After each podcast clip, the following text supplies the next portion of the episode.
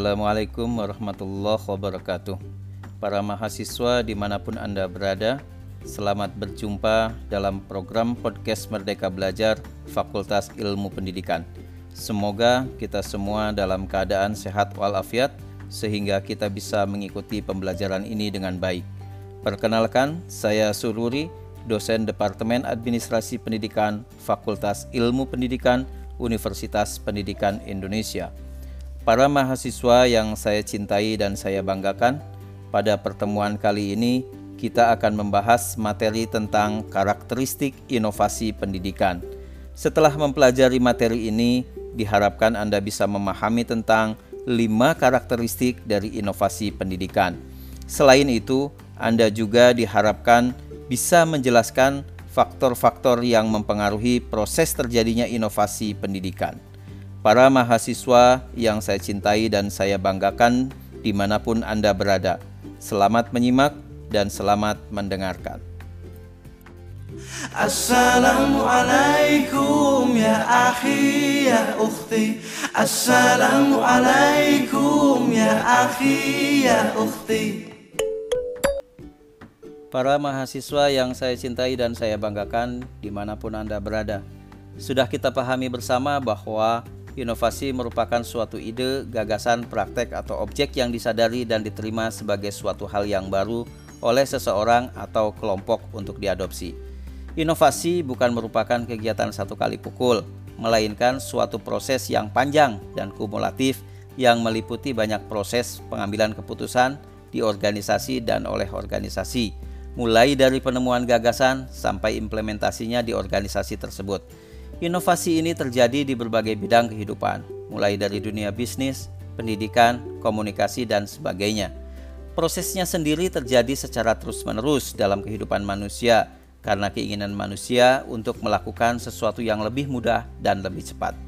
Para mahasiswa yang saya cintai dan saya banggakan, di mana pun Anda berada, mengawali pembahasan materi kali ini, mari kita mulai dengan pertanyaan dari saudara Andini Hoirunisa yang menanyakan, apa sih yang dimaksud dengan karakteristik inovasi pendidikan itu? Untuk menjawab pertanyaan itu, coba dengarkan penjelasan berikut. Secara etimologis, istilah karakteristik artinya mengandung sifat khas. Ia mengungkapkan sifat-sifat yang khas dari sesuatu. Jadi, secara garis besar, karakteristik itu adalah sesuatu sifat yang khas yang melekat pada seseorang atau suatu objek.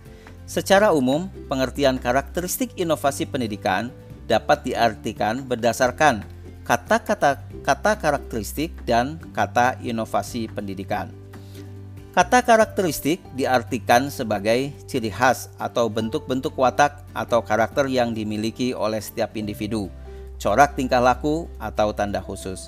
Sedangkan pengertian inovasi pendidikan ialah suatu ide, barang, metode yang dirasakan atau diamati sebagai hal yang baru bagi seseorang atau sekelompok orang, baik berupa hasil invensi atau discovery yang digunakan untuk mencapai tujuan pendidikan dan memecahkan masalah pendidikan.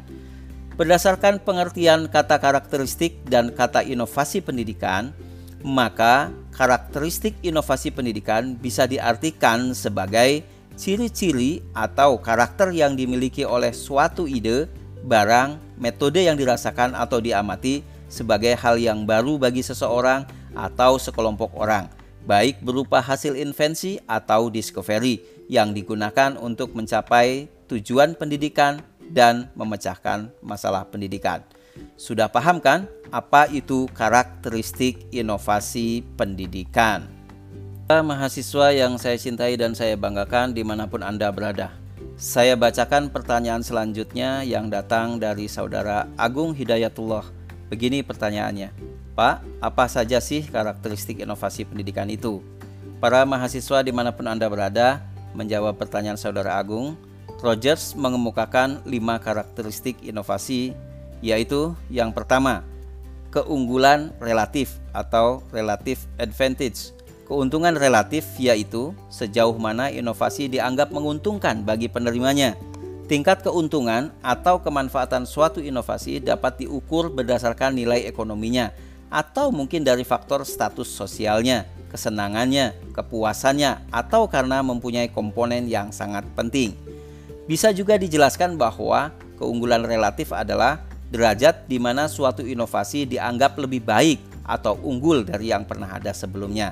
Hal ini dapat diukur dari beberapa segi seperti segi ekonomi, prestise sosial, kenyamanan, kepuasan, dan lain-lain. Semakin besar keunggulan relatif dirasakan oleh pengadopsi, semakin cepat inovasi tersebut dapat diadopsi. Sebagai contoh, para adopter akan menilai apakah suatu inovasi itu relatif menguntungkan atau lebih unggul dibanding yang lainnya atau tidak. Maka, untuk adopter yang menerima secara cepat suatu inovasi akan melihat inovasi itu sebagai sebuah keunggulan. Karakteristik yang kedua adalah kesesuaian atau compatibility. Yang dimaksud kesesuaian yaitu suatu inovasi dilihat dari tingkat kesesuaian dengan nilai atau norma, kesesuaian dengan pengalaman lalu, dan kesesuaian dengan kebutuhan dari penerima. Bisa dijelaskan bahwa kesesuaian adalah derajat di mana inovasi tersebut dianggap konsisten dengan nilai-nilai yang berlaku, pengalaman masa lalu, dan kebutuhan pengadopsi. Sebagai contoh, jika suatu inovasi atau ide baru tertentu tidak sesuai dengan nilai dan norma yang berlaku, maka inovasi itu tidak dapat diadopsi dengan mudah, sebagaimana halnya dengan inovasi yang sesuai. Adopter juga akan mempertimbangkan pemanfaatan inovasi berdasarkan konsistensinya pada nilai-nilai, pengalaman, dan kebutuhannya. Karakteristik yang ketiga yaitu kompleksitas atau complexity. Kompleksiti atau kompleksitas itu yaitu tingkat kesukaran untuk memahami dan menggunakan inovasi bagi penerima. Kompleksitas adalah derajat di mana inovasi dianggap sebagai sesuatu yang sulit untuk dipahami dan digunakan. Beberapa inovasi tertentu ada yang dengan mudah dapat dimengerti dan digunakan oleh pengadopsi, dan ada pula yang sebaliknya atau sulit dimengerti dan digunakan oleh pengadopsi. Semakin mudah dipahami dan dimengerti oleh pengadopsi, maka semakin cepat suatu inovasi dapat diadopsi. Tetapi apabila suatu inovasi sulit untuk dipahami dan sulit dimengerti oleh pengadopsi, maka semakin sulit pula suatu inovasi dapat diadopsi. Adopter atau pengguna inovasi juga akan menilai tingkat kesulitan atau kompleksitas yang akan dihadapinya jika mereka memanfaatkan inovasi. Artinya, bagi individu yang lambat memahami dan menguasainya, tentu akan mengalami tingkat kesulitan lebih tinggi dibandingkan individu yang cepat memahaminya. Tingkat kesulitan tersebut berhubungan dengan pengetahuan dan kemampuan seseorang untuk mempelajari istilah-istilah dalam inovasi itu. Para mahasiswa di mana pun Anda berada, karakteristik keempat yaitu trialabilitas atau kemampuan uji coba. Trialabilitas yaitu dapat dicoba atau tidaknya suatu inovasi oleh penerima. Kemampuan untuk diuji cobakan atau trialabilitas adalah derajat di mana suatu inovasi dapat diuji coba dalam batas tertentu. Suatu inovasi yang dapat diuji cobakan dalam pengaturan sesungguhnya umumnya akan lebih cepat diadopsi. Jadi, agar dengan cepat diadopsi, suatu inovasi sebaiknya harus mampu menunjukkan keunggulannya Kemampuan untuk dapat diuji bertujuan untuk mengurangi ketidakpastian. Mempunyai kemungkinan untuk diuji coba terlebih dahulu oleh para adopter untuk mengurangi ketidakpastian mereka terhadap inovasi itu. Dan karakteristik yang kelima adalah observasibilitas atau kemampuan diamati. Dapat diamati atau observability yaitu mudah diamati atau tidaknya suatu hasil inovasi oleh penerima Kemampuan untuk diamati adalah derajat di mana hasil suatu inovasi dapat terlihat oleh orang lain. Semakin mudah seseorang melihat hasil dari suatu inovasi, semakin besar kemungkinan orang atau sekelompok orang tersebut mengadopsi. Dengan kemampuan untuk diamati akan mendorong adopter untuk memberikan penilaian apakah inovasi itu mampu meningkatkan status sosial mereka di depan orang lain sehingga dirinya akan dianggap sebagai orang yang inovatif. Jadi dapat disimpulkan bahwa semakin besar keunggulan relatif, kesesuaian, kemampuan untuk diuji cobakan, dan kemampuan untuk diamati, serta semakin kecil kerumitannya, maka semakin cepat kemungkinan inovasi tersebut dapat diadopsi. Terakhir, ada pertanyaan dari saudara Lia Amelia yang menanyakan faktor-faktor apa saja yang bisa mempengaruhi proses inovasi di sekolah. Untuk memahami perlunya inovasi di sekolah, ada tiga mahasiswa di mana pun Anda berada. Terakhir, ada pertanyaan dari saudara Lia Amelia yang menanyakan faktor-faktor apa saja yang bisa mempengaruhi proses inovasi di sekolah. Untuk memahami perlunya inovasi di sekolah, dapat kita gali dari tiga hal yang sangat besar pengaruhnya terhadap kegiatan di sekolah, yaitu kegiatan belajar mengajar, yang kedua faktor internal dan eksternal, dan yang ketiga sistem pendidikan yang terkait pengelolaan dan pengawasan. Faktor yang pertama yaitu faktor kegiatan belajar mengajar. Di sini, guru sebagai tenaga yang telah dipandang memiliki keahlian tertentu dalam bidang pendidikan diserahi tugas dan wewenang untuk mengelola kegiatan belajar mengajar agar dapat mencapai tujuan tertentu yaitu terjadinya perubahan tingkah laku siswa sesuai dengan tujuan pendidikan nasional dan tujuan institusional yang telah dirumuskan. Tetapi dalam pelaksanaan tugas pengelolaan kegiatan belajar mengajar, terdapat berbagai faktor yang menyebabkan orang memandang bahwa pengelolaan kegiatan belajar mengajar adalah kegiatan yang kurang profesional, kurang efektif, dan kurang perhatian. Di sinilah perlunya inovasi di sekolah. Faktor yang kedua yaitu faktor internal dan eksternal. Faktor internal yang mempengaruhi pelaksanaan sistem pendidikan dan dengan sendirinya juga inovasi di sekolah yaitu faktor siswa. Sis faktor siswa sangat besar pengaruhnya terhadap proses inovasi karena tujuan pendidikan untuk mencapai perubahan tingkah laku siswa. Jadi, siswa sebagai pusat perhatian dan bahan pertimbangan dalam melaksanakan berbagai macam kebijakan pendidikan. Sedangkan faktor eksternal yang mempunyai pengaruh dalam proses inovasi sekolah ialah orang tua.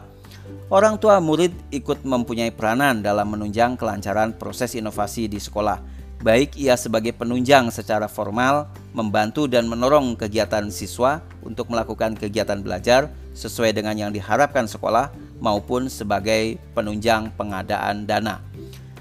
Sedangkan para ahli pendidik merupakan faktor internal dan juga sekaligus faktor eksternal, seperti guru, administrator, konselor, dan sebagainya. Ada juga para ahli yang di luar organisasi sekolah yang ikut terlibat dalam kegiatan sekolah seperti pengawas, penilik, konsultan, atau juga mungkin pengusaha yang membantu pengadaan fasilitas sekolah. Demikian pula para penatar, guru, staf pengembangan, penelitian, para dosen, dan organisasi persatuan guru juga merupakan faktor yang sangat besar pengaruhnya terhadap pelaksanaan inovasi di sekolah. Namun, apakah mereka termasuk faktor internal atau eksternal? Agak sukar dibedakan, karena guru sebagai faktor internal tetapi juga menjadi anggota organisasi persatuan guru yang dapat dipandang sebagai faktor eksternal. Yang terpenting untuk diketahui bahwa seorang yang akan merencanakan inovasi di sekolah harus memperhatikan faktor tersebut, apakah itu faktor internal atau faktor eksternal. Nah, faktor yang ketiga adalah sistem pendidikan berkaitan dengan pengelolaan dan pengawasan. Salah satunya terkait dengan adanya berbagai macam aturan dari pemerintah, misalnya sejauh mana batas kewenangan guru untuk mengambil kebijakan dalam melakukan tugasnya dalam rangka menyesuaikan dengan kondisi dan situasi setempat. Demikian pula sejauh mana kesempatan yang diberikan kepada guru untuk meningkatkan kemampuan profesionalnya guna menghadapi tantangan kemajuan zaman. Jika kebijakan pemerintah tidak memberikan kebebasan pada guru, maka hal tersebut bisa menghambat juga adanya inovasi di sekolah. Para mahasiswa yang saya cintai dan saya banggakan di mana pun Anda berada, demikianlah beberapa poin penting yang perlu Anda ingat betul dalam mempelajari materi karakteristik inovasi pendidikan. Para mahasiswa yang saya cintai dan saya banggakan di mana pun Anda berada. Demikian penjelasan terkait materi tentang karakteristik inovasi pendidikan. Saya berharap dengan mendengarkan uraian ini, anda akan semakin paham tentang materi karakteristik inovasi pendidikan yang telah Anda pelajari. Pembahasan ini juga semoga dapat membantu Anda untuk memahami lebih dalam tentang materi ini. Saya Sururi, mengucapkan terima kasih sudah mendengarkan podcast Pendidikan Merdeka Belajar Fakultas Ilmu Pendidikan Universitas Pendidikan Indonesia. Jika masih ada pertanyaan terkait dengan materi pembelajaran ini, silahkan Anda dapat follow akun Instagram at underscore UPI. Bagi para mahasiswa yang ingin melihat video pembelajaran tentang materi ini, Anda dapat mengunjungi channel YouTube Fakultas Ilmu Pendidikan. Selamat belajar, semoga Anda dapat memanfaatkan ilmu yang terkandung dalam mata kuliah ini. Sampai bertemu lagi pada materi yang akan datang. Wassalamualaikum warahmatullahi wabarakatuh.